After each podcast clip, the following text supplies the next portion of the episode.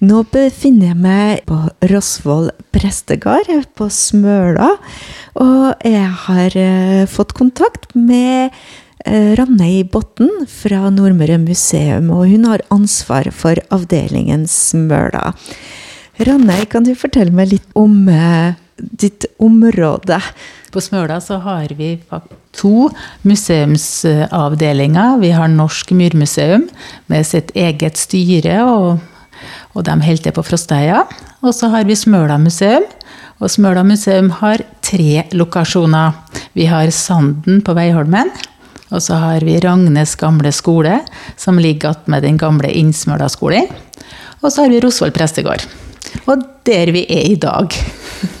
Og her er det litt av hvert, må jeg si. Ja, det er egentlig det. Eh, Ja, vi, hver sommer så bruker vi å ha utstilling. Eh, Tre uker midt på sommeren når det er mye turister utpå her. Så da har vi kunstutstilling, og i år har vi litt spennende kunst.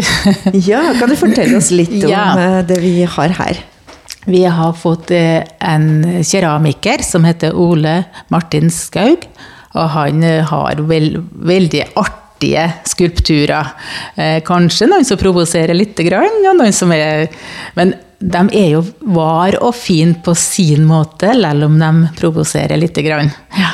Vi har haft, eh, fått gode tilbakemeldinger på det. Og så har vi en billedkunstner som heter Yngve Reidar Vold. Og han eh, har mange flotte bilder.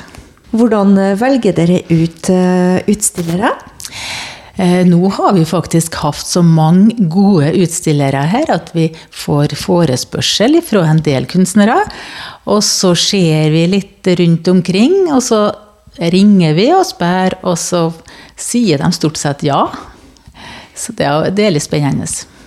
Men det er ikke bare sommerutstilling du har her. Her er det jammen litt av hvert. Ja da, vi har jo noen faste utstillinger på loftet og litt uten, i et rom ned her. Vi, fikk- vi åpna ei ny hermetikkutstilling for to år siden. Fikk veldig god hjelp fra Virginia, som jobba i Nordmøre museum. Og vi, vi er veldig kry av den utstillinga. Den ble bra. Og så er det litt historikk. Smøla-historikk. Ja, litt smøl, eh, ei utstilling som heter 'Smøla gjennom tidene', som var laga faktisk det første Guri-spillet. Den var oppsatt på en, eh, i en garasje, eller en låve, på Edøya. Og så ble den nedtatt, og så flytta til Preskeren her. Så det er ei gammel utstilling, da, men den eh, er ganske informativ. Så vi lurer litt på om vi skal gjøre litt mer med den etter hvert. Så ser jeg at det er et bitte lite rom der med det som kan ligne på en telegraf og en skrivemaskin. Hva er det for noe? Ja, det er altså det telegrafstasjonen som var eh, på Innsmøla. Den flyttet, ble flytta hit, og så er det et lite postkontor òg, i samme lille rommet der. Så da forteller vi litt om den posthistoria og den telegrafhistoria som var på Smøla. Når kan man komme og se? Nå er det oppe på torsdag, fredag, lørdag og søndag. Og det skal være åpent fram til 25. Eh, juli. Fra ett til fire.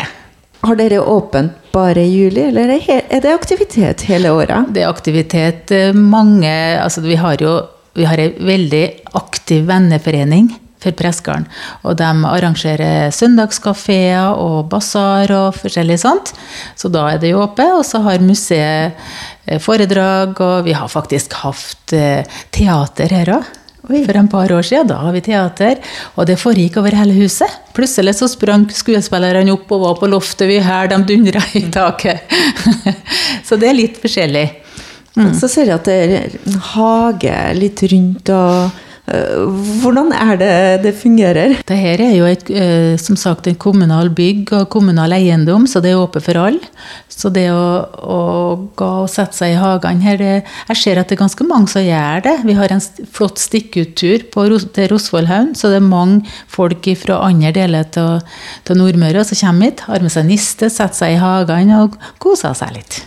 Du snakka om eh, aktiviteter. eh, Altså nå er sommerutstillinga. Eh, Har dere noen andre aktiviteter fremover eh, som er spikra allerede? Ja, vi skal ha ei fin fotoutstilling. Den åpna i september, vi har ikke sagt akkurat datoen. Da er Magne Gjernes, som er smølværing. Han, han, tar veldig mange fine bilder, så han kommer og stiller ut sine bilder her. Og det, det blir åpent fram til og med høstferien, regner vi med. Så det, det blir sånn eh, salgsutstilling, og, og, folk kan komme og få kjøpt seg fine bilder fra Smøla. Fotografi. Du snakka i stad om eh, Norsk myrmuseum. Mm. Der har dere hatt litt utfordringer, har jeg forstått? Ja, vi har hatt det nå i sommer, for at det er veiarbeid. Så nå har veien vært stengt fra Nelvika, den som er liksom hovedveien. Og når folk kommer til Smøla og skal kjøre utover til Hopen og Veiholmen, så kjører de tvers over Frosteheia. Kjører rett forbi Myrmuseet. Og den veien har vært stengt, så vi, vi taper en del eh, besøk til dem som bare stikker innom. Så kjører forbi og ser at det er åpent og stopper. Og nå etter hvert så er jo den veien, veien fra andre kanten òg, da, stengt. Men det er lov for dem som skal på besøk på Myrmuseet og på Smøla hagesenter, å kjøre forbi den bommen. Så det er bare å komme. Så ikke helt stengt? Det er ikke helt stengt, nei. Det er slett ikke helt stengt. Det, det er lov å kjøre. Og hva kan man se? Hva er det man opplever på et myrmuseum? Ja, det er mye. Det er, det er ganske spennende, faktisk. Det høres litt kjedelig ut, vil jeg tro. Men eh, vi snakker, eller det får du høre om nasjonsbygginga som var i Norge fra 1905 og utover. Det, når Norge ble et selvstendig land i 1905, så skulle vi ta alle ressurser i bruk. Altså det var utbygging til vannkraft, det, var, det blomstra opp litt den bergverksdrifta. Eh, og det her med myr, dyrking av myr, det ble viktig. Så staten gikk inn og ga tilskudd til dem som ville dyrke opp myr. Og det ble eh, altså selskapet Ny Jord, som var det selskapet som bygde ut her utpå. De eh, støtta jo opp om dem som har lyst til å eh, starte opp med, med dyrking og med bosetting. Så vi får jo høre den historien om ei helt ny bygd som ble bygd opp, og som er livskraftig i dag òg. Frosteheia.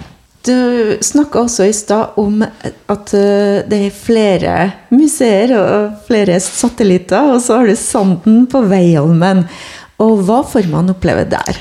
Det, jeg bruker å si at Sanden er perla i vår, i, i, når det gjelder museet på Smøla. Da, for at uh, der har vi et helt autentisk miljø.